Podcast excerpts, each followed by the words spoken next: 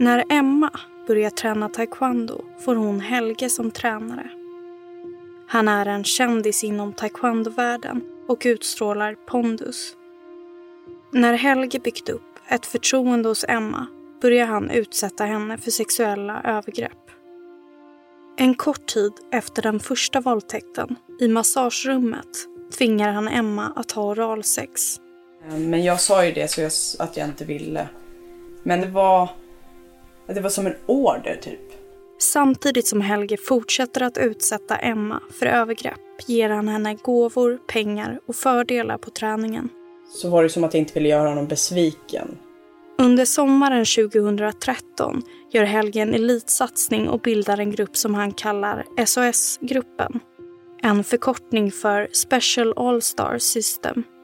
Det är en grupp för talangfulla elever som Helge vill satsa extra på. Emma blir tillfrågad att vara med i gruppen och i och med det tillbringar Emma allt mer tid på taekwondoklubben och allt mer tid med Helge. Och under hela resan fick jag sitta fram. Så när de andra där bak sov så kunde han ta på mig och, och så. Och när de inte ses i träningssammanhang kontaktar han henne över telefon. Hans plan var ju att vi skulle flytta till USA för där är det mer accepterat med åldersskillnaden. Och att där skulle vi kunna vara utan att någon dömer oss typ. Du lyssnar på podcasten Motiv om taekwondo-tränaren. En dokumentärserie i fem delar om sexuellt våld, grooming och maktmissbruk. Mitt namn är Ebba Adsenius. Emma hon var känslomässigt väldigt labil. Och jag fick inte ur henne vad det var. Det var svårast, att ljuga för pappa. Del 2. Resorna.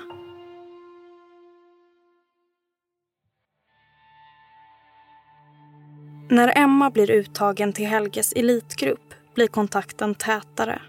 Övergreppen i träningslokalen fortsätter och när de inte ses där har de daglig kontakt över telefon.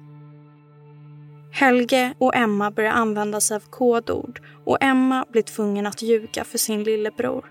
Ja, men jag, jag kommer också ihåg att jag märkte att jag såg på hennes Snapchat.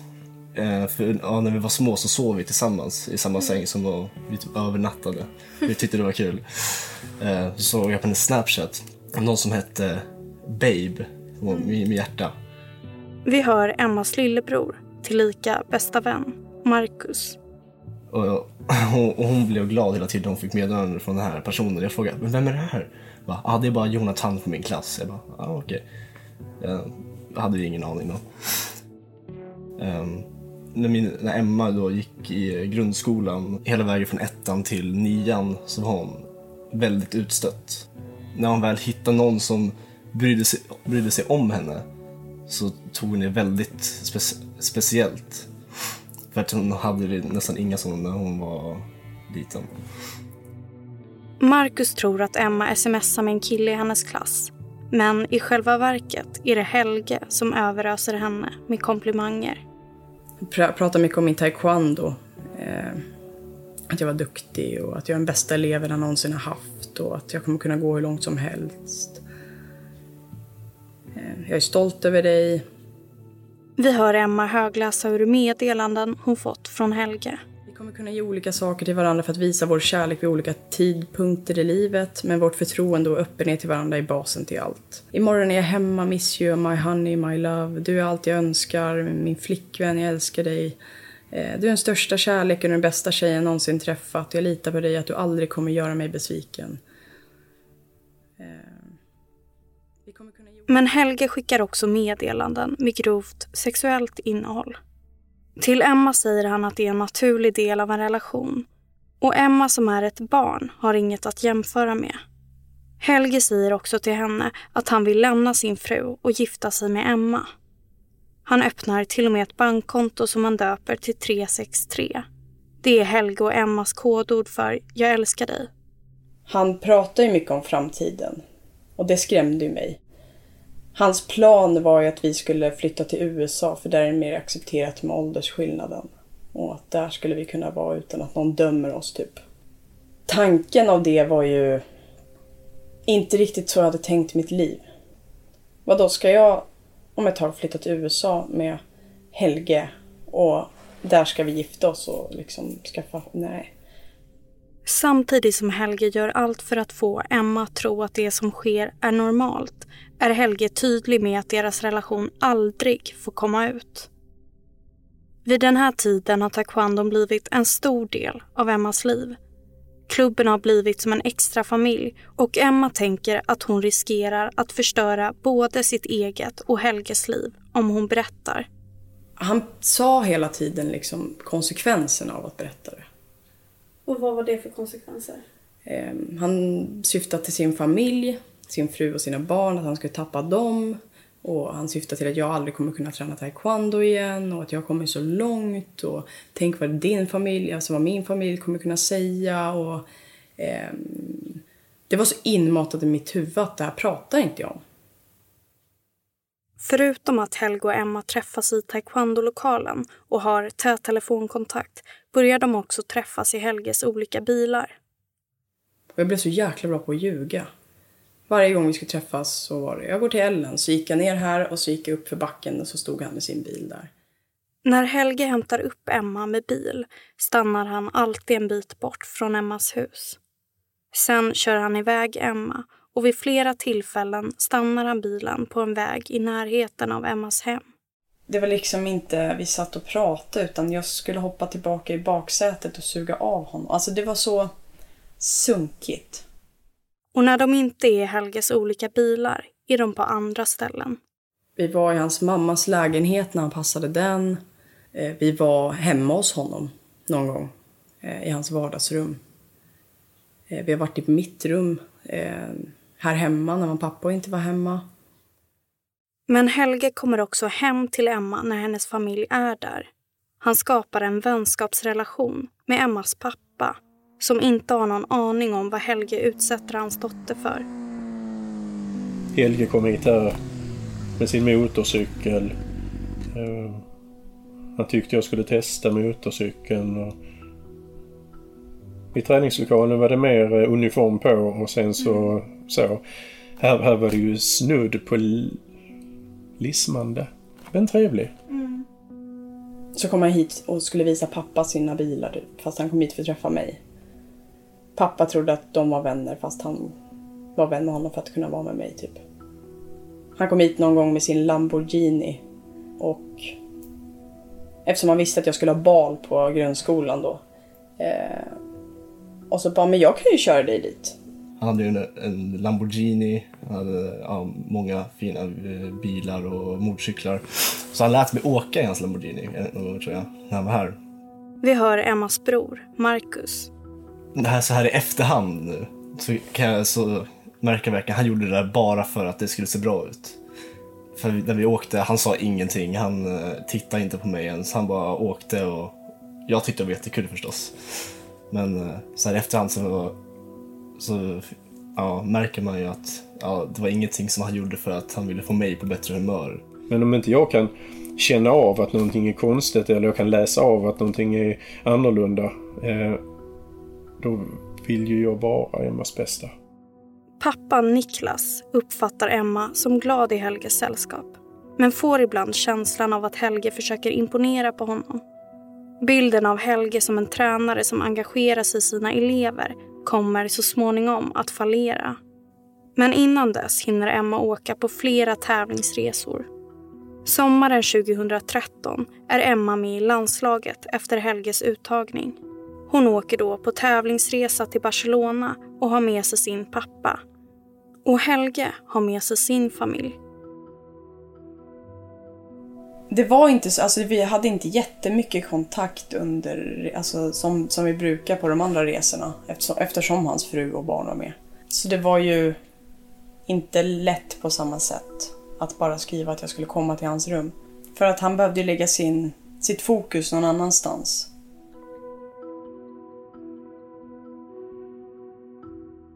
Men en dag i Barcelona ber Helge Emma att komma till hans hotellrum. Han säger att han ska fixa Emmas höft, vilket blivit ett kodord för att Helge vill ha sex. Alltså alla, alla hörde det. Det var ju inget så här. Eh, så vi gick upp till hans rum och han sa att vi skulle passa på när hans fru och barn var ute med de andra. Och vi pussades och kramades. Och han önskade mig lycka till på kommande tävling. Tävlingen går bra och på kvällen ska Emma och resten av gruppen äta middag och fira. Det är ju bankett på stora, stora tävlingar. Jag minns att jag, jag dansade med någon kille och det märktes att han inte tyckte om. När Emmas pappa gått och lagt sig tar Helge med sig Emma in på en toalett. Där trycker han upp henne mot en vägg och hånglar med henne intensivt. Kommande dagar fortsätter resan som vanligt. Gruppen åker in till stan och turistar. De ser Sagrada Familia, går längs Ramblan och åker turistbuss. Och på bussen sätter sig Helge bredvid Emmas pappa. Och eh, det var inget konstigt alls utan bra samtal och det fanns en öppenhet och en trevlighet från båda sidor. Helge är trevlig mot Niklas, men det är han inte mot alla. När gruppen är tillbaka på hotellet lägger Niklas märke till hur Helges humör plötsligt skiftar. En av de här andra seniora killarna tyckte inte som Helge tyckte. Och sa någonting för att markera det. Och han blev riktigt utfryst. Så att gick man emot Helge på något sätt så fick man också konsekvenser av det? Ja, det var väldigt tydligt. Det ska inte så mycket till förrän du befinner dig i kylan. Eftersom Helge är högst graderad och den som graderar andra är det få på klubben som vågar ifrågasätta honom.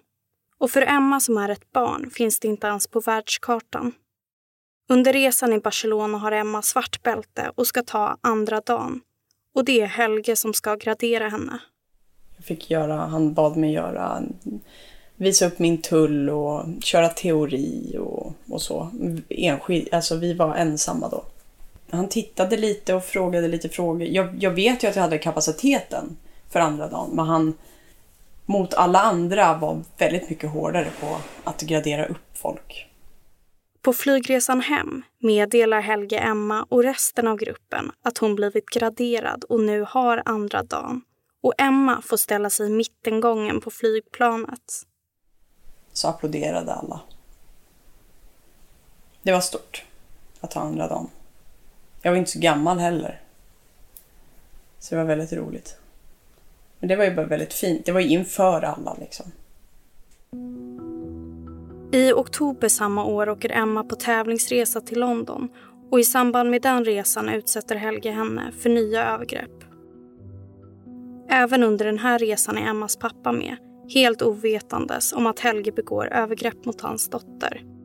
Men under den här resan observerar dock Emmas pappa att Helges så kallade kunskap om idrottsskador minst sagt verkar begränsad. För när Niklas skadar handen är Helge inte mycket till hjälp. Men eh, där kom eh, Helge fram och eh, kunde konstatera att eh, det, är, det är ingenting. Det är bara en stukning. Det är så. Det, det är, gilla läget. Det fanns ingen, det, det fanns ingen empati. Eh, och framförallt, det som gjorde mig förvånad, att det fanns inte kunskap. När Niklas och Emma kommit hem från Londonresan åker Niklas till akuten och den skada som Helge tidigare nonchalerat visar sig nu vara en bruten hand. Kort efter det åker Emma till Norge för att titta på graderingar, men då utan sin pappa. Emma åker dit tillsammans med Helge, några andra elever och två vuxna på klubben. De bilar till Norge och Emma får sitta i samma bil som Helge. Och då satt jag bakom honom och han satt i framsätet på högersidan. Och då skulle jag sitta fram och hur jag fick fightas och jag... Och på färjan så sa vi att eh, ja, men vi måste byta, någon annan vill sitta fram. Och då sa jag att jag mådde illa så jag sprang ner i färjan och satte mig längst fram. Och... När Emma väl sitter i framsätet och de andra i bilen sover tar Helge på Emma utan att någon ser. När gruppen är i Karlstad stannar de till för att övernatta Emma tvingas då gå upp mitt i natten för att Helge vill att hon ska komma till hans rum. Så jag kommer ihåg att jag fick ställa larm fyra typ. Och så gick jag till hans rum och så var det samma vanliga. Men jag kommer ihåg det för det var så jävla tidigt och jag var så trött. Jag vet inte, jag var så fast i det. Så att det blev typ naturligt och, eh, och så. Under sommaren 2014 anordnar Helge det slutgiltiga SOS-testet. För att få fortsätta vara med i Helges elitgrupp måste man genomgå ett test som Helge själv hittat på. Emma och några andra i SAS-gruppen utför det här minst sagt speciella testet. Det var en av de sjukaste upplevelserna jag varit med om. Och det här målar väldigt mycket hur han var som person. Han var väldigt barnslig och eh, det skulle vara fart och fläkt och väldigt extra. Inledningsvis fick jag ett kodnamn som var Laura Croft. SAS-testet består av olika uppdrag och Helge skickar instruktioner på sms. Han skriver följande. Laura Croft. Du ska möta Red Oktober i Västerås på onsdag. Du ska vara i Västerås senast klockan 18 och anmäla att du är på plats. Du kommer då få en adress som du ska ta dig till för att få utrustning, vapen och instruktioner. Färdas lätt och stick inte ut i mängden. Kommer vidare instruktioner om ert tunga bagage. Från James. Och när Emma väl är på plats i Västerås skriver Helge. Kontrollera att du inte är förföljd och ta dig till Erikslunds shoppingcenter omgående. Agent Carl Hamilton kommer att möta upp dig på lämplig plats. James. I Västerås möter Emma upp en man som överlämnar ett vapen. Vem mannen är, vad det är för vapen och vad hon ska ha det till får hon inte veta. Sen kom vi fram till skogen där det skulle övernattas. Så man skulle bygga en förläggning och helt sjukt. Men eftersom jag hade skolavslutning dagen efter så fick jag, slapp jag sova där, vilket jag är så tacksam över. Eh, och blev hemkörd av Helge. Eh, väldigt, alltså alltid special treatment. De andra som deltar i Helges SAS-test får övernatta ensamma i en skog. Dagen därpå hämtar Helge upp Emma från skolan. De möter sedan upp resten av SOS-gruppen och Helge berättar att nästa del av SOS-testet är att de ska åka och köra paintball. Han var så obehaglig för att medan vi sprang runt och liksom var rädda så gick han in i rummet med vapnet liksom vid sidan och bara gick in. Man såg honom på kameran när han åkte ut. Han bara gick genom rummet och bara sköt. Alltså han var så obehaglig. Om jag tänker så här, en actionfilm med en mördare som inte bryr sig om någonting, det var han. Och efter det började den jättelånga resan. Vi åkte bil, jag vet inte hur länge. Och under hela resan fick jag sitta fram. Så när de andra där bak sov så kunde han ta på mig och, och så. Um, en annan del av SAS-testet var att vi skulle... I Norge finns det ett berg som heter Predikstolen, eller Präckistolen.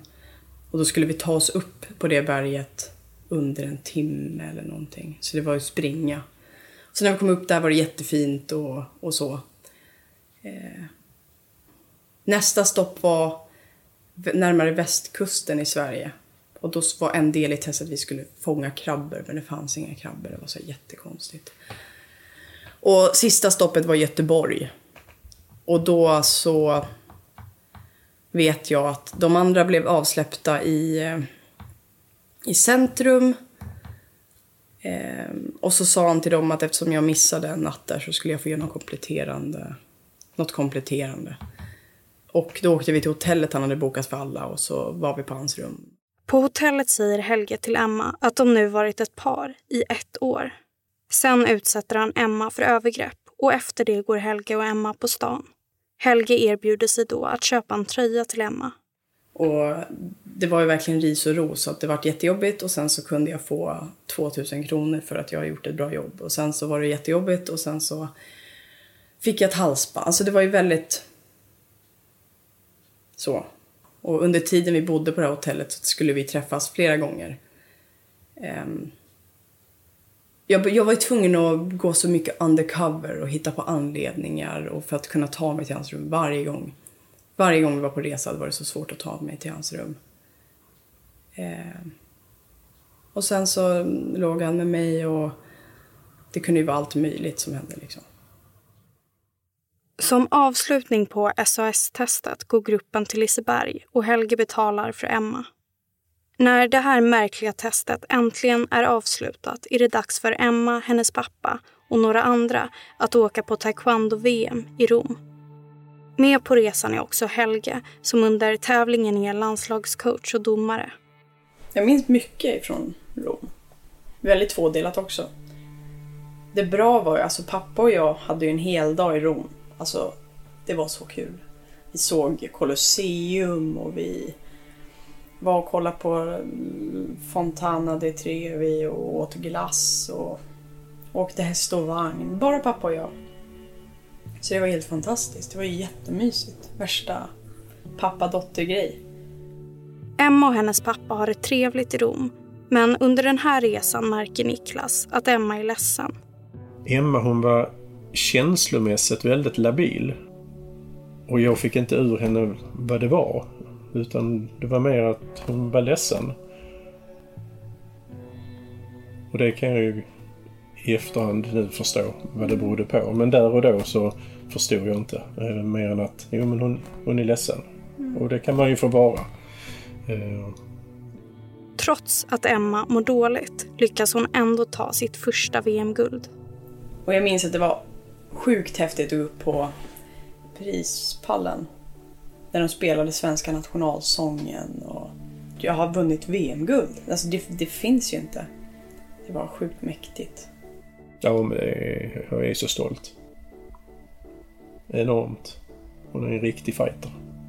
Men sen var det, det var en fest på kvällen och det var ju i samband med Emmas födelsedag. Där Emma hade gjort sig jättefin och ja, alla hade klätt upp sig såklart. Och Jag blev 15 på 12-slaget. Och jag hade så jäkla kul med ungdomar i min egen ålder. Sen ville pappa gå och lägga sig så han gick och la sig. Eh, men det var ju massa andra vuxna där. många vuxna, många äldre ungdomar. Eh, där Emma hon var en av dem eh, såklart.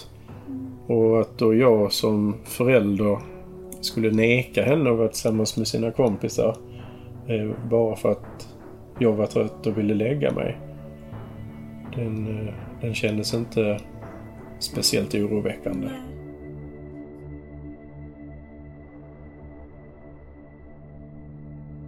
När Emmas pappa gått och lagt sig fortsätter Emma att dansa och fira sin födelsedag med sina vänner.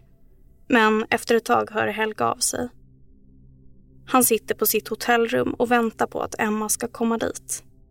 Och när Emma svarar att hon vill fortsätta umgås med sina vänner blir Helge sur. Och han blev besviken och då, då skrev han typ... Jag hade ställt upp massa stearinljus och... Eh, då, nu när jag kastat allt i soptunnan och... Han satt ju liksom och väntade på mig. Och då fick jag dåligt samvete. Så då skulle vi... Jag vet inte om det var så att banketten avslutades eller om vi gick. För att jag gick inte själv, jag gick med några andra vuxna ifrån banketten. Och de hade bestämt sig att de skulle se till att jag kom till mitt hotellrum. Och hade jag kommit till mitt hotellrum då hade ju pappa vaknat. Så då hade jag inte kunnat lämna igen. Så jag, jag sa det, men jag stannar i lobbyn en stund och då sa de, ja men nej, du, vi ska se till att du kommer till ditt hotellrum. Och jag fick panik. De sa någonting om att han hade blivit dömd för något förut eller så här, någonting sånt. Och jag frågade, jag minns att jag smsade honom och frågade vad, vad menar de? Och att han bara så här, äh, så här det är ingenting, skiter om typ. Under den här resan börjar folk tissla och tassla om att Helge blivit dömd för något brott år 2007. Något som Helge snabbt avfärdar. Och vi åkte hissen upp och jag bara alltså hur ska jag lösa det här? Så när vi kommer upp på våningsplanet, då springer jag allt jag kan och sätter mig i, i någon hörna bakom en ismaskin typ. Och Och jag hör hur de går runt och letar. Och det skrämde ju mig. Men jag vågade inget annat än att gå till hans rum. Men till slut så slutade de leta. Och då kunde jag gå till hans rum. Och då såg jag att det var en massa stearinljus, sådana här små runda som var kastade i soptunnan. Och... När Emma väl kommer till Helges hotellrum är han på dåligt humör. För då hade han planerat att vi skulle ha första gången analsex. Han hade pratat om det väldigt länge. Och jag hade föraktat det väldigt länge. Och att han hade pratat om det här analsex för att det, vi blir, alltså vi skulle vara, det blir komplett då. Det var någon så här stor grej och vi, det skulle vi göra och... Och jag sa att jag hade ont. Och han var så lycklig efteråt. Och det är fullbordat och nu så... Efter att Helge har våldtagit Emma går hon tillbaka till sitt hotellrum där hennes pappa ligger och sover. När Emma kommer in vaknar hennes pappa och frågar vad klockan är. Och Emma blir som vanligt tvungen att ljuga. Det var svårast, att ljuga för pappa. Emma skuldbelägger sig själv och tänker att det som händer är lika mycket hennes fel som Helges. Emma tänker att hon är med på det som händer eftersom hon inte vågar säga nej. Jag tror jag sa nej en gång. Och det gjorde jag inte om efter det. Det var liksom inte min kropp längre utan det var han som bestämde. Några månader efter resan till Rom åker Emma återigen till England. Under den här resan sker flera övergrepp och när Emma väl säger nej leder det till att Helge sätter sig gränsle över henne och tar tag i hennes armar. Han säger “Jag vet att du vill” hånskrattar och våldtar Emma. Eh, så då fick jag liksom lära mig att säga nej, då blir det värre så det är lika bra att jag inte säger nej för då slipper jag. Och ingen såg honom så eh, riktigt, utan det var ju bara jag som fick träffa den personen. I slutet av 2014 är det många i Emmas omgivning som märker att hon mår dåligt utan att förstå varför. Hon har vid den här tiden regelbundna träffar med en person på BUP. Och då kände jag liksom att det är klart att BUP kanske väcker upp en massa och hon tycker det är jobbigt. Vi fick ju hämta henne många gånger. Hon var, hon var varje gång hon hade varit på BUP så var hon väldigt låg. Vi hör Emmas mamma, Ingvar, som nu börjat förstå att något är fel. Och jag har ju själv gått i terapi och vet ju att det kan liksom processerna starta och man behöver bearbeta. Så jag lät henne vara. Vi gick och fika och liksom... Jag, jag, frå, jag pushade aldrig på och frågade vad, mer än att de, jag finns här om du vill prata. Ja, då var hon jätteledsen. Och det var ju samma sak där. Vi förstod inte varför är du ledsen. Hon kunde inte sätta ord på det. Men hon var väldigt ledsen. Och så var det vid flera tillfällen att hon var skör. Under den, den hösten eh, speciellt. Hösten går och det blir vinter. Under jullovet 2014 ska Emma och hennes familj åka till Thailand. Men en kort tid innan de åker dit lägger Niklas märke till att Helge beter sig konstigt. Om två veckor eller en vecka innan vi ska åka till Thailand. Då var vi inne i klubbens lokaler, eller jag var inne, jag skulle hämta något. Och där fanns Helge och så fanns det en annan senior. Helge han ville verkligen inte att vi skulle åka till Thailand. Och han drog upp alla möjliga tänkbara argument att det var det var inte säkert nere i Thailand nu för att eh, det är snudd på inbördeskrig. Det är eh, oroligt i regeringen, folket gör uppror. Ska ni verkligen... Eh, ja, ska vi. vi har betalt, vi ska åka. Jag tyckte det var konstigt. Jag sa det direkt jag kom in i bilen sen och min fru satt utanför. Jättemärkligt. Han vill verkligen inte att vi ska åka till Thailand. Sen var det inte mer med det. Vi åkte till Thailand. Inför jullovet ger Helge Emma pengar till julklappar och ett halsband i guld. Och väl i Thailand låtsas Emma att hon hittat det halsbandet på stranden för att hennes föräldrar inte ska bli misstänksamma. Jag vet att jag gick på stranden och så la jag ner det och så bara Åh men titta vad jag hittade! Det var så här, ett guldhandsband med ett litet hjärta och så en diamant i typ. Vi har ju varit i Thailand så många år. Ända sedan barnen var, innan Marcus var född. Han är ändå 20 nu och Emma, hennes första resa var hon tre år gammal. Sen har vi varit i Thailand egentligen varje år sedan dess. Och då kliver vi in i vår lilla bubbla och vi har det riktigt, riktigt bra. Så då, då, de här två veckorna som alla år, de var magiska. Välbehövliga.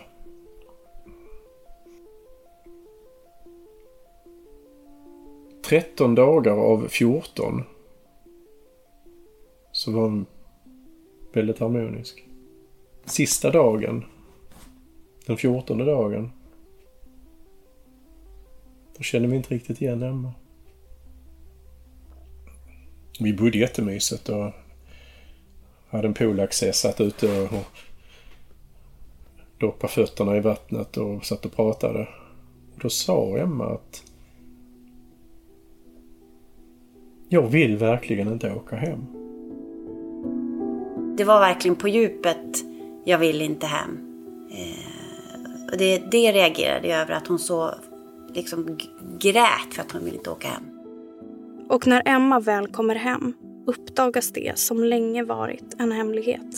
Och hon var supersluten och jag sa, vad är det? Och så sa mamma, jag, jag måste berätta något för dig. Handlar det om Helge? Ja, Och jag minns att Niklas vart liksom som helt grå i hela ansiktet. För jag kände mig så jävla lurad. Så bort, bortgjord. Jag hade inte anat någonting. Hela den här våren kändes som ett svart hål. En polisutredning inleds och fler saker kommer då upp till ytan. Det är ju så sjukt bara att det kommer fram att då Helge som har varit min tränare i typ 10 år, att han har gjort något sånt mot folk som jag har tränat med. Alltså, rektorn kom ner till lektionen och han sa bara följ med mig upp till mitt kontor. Eh, då sa han att du måste åka in till polisstation för att de vill prata med dig. Det finns alltså många fler offer i den här berättelsen. Det Helge intalat Emma om att just deras relation är byggd på kärlek som kan övervinna allt visar sig vara en återkommande komponent i en systematisk och beräknande groomingstrategi som den här gärningsmannen ägnat sig åt under flera års tid. Ja, då berättade jag ju att men jag har också blivit utsatt, att han har försökt med mig också. Det, det, det är i stort sett så, sådana saker jag har försökt att förtränga. Du har lyssnat på podcasten Motiv och på del två om taekwondo-tränaren. Mitt namn är Ebba Adsenius. Producent Nils Bergman. Ansvarig utgivare Jonas Häger. Tack för att ni lyssnar.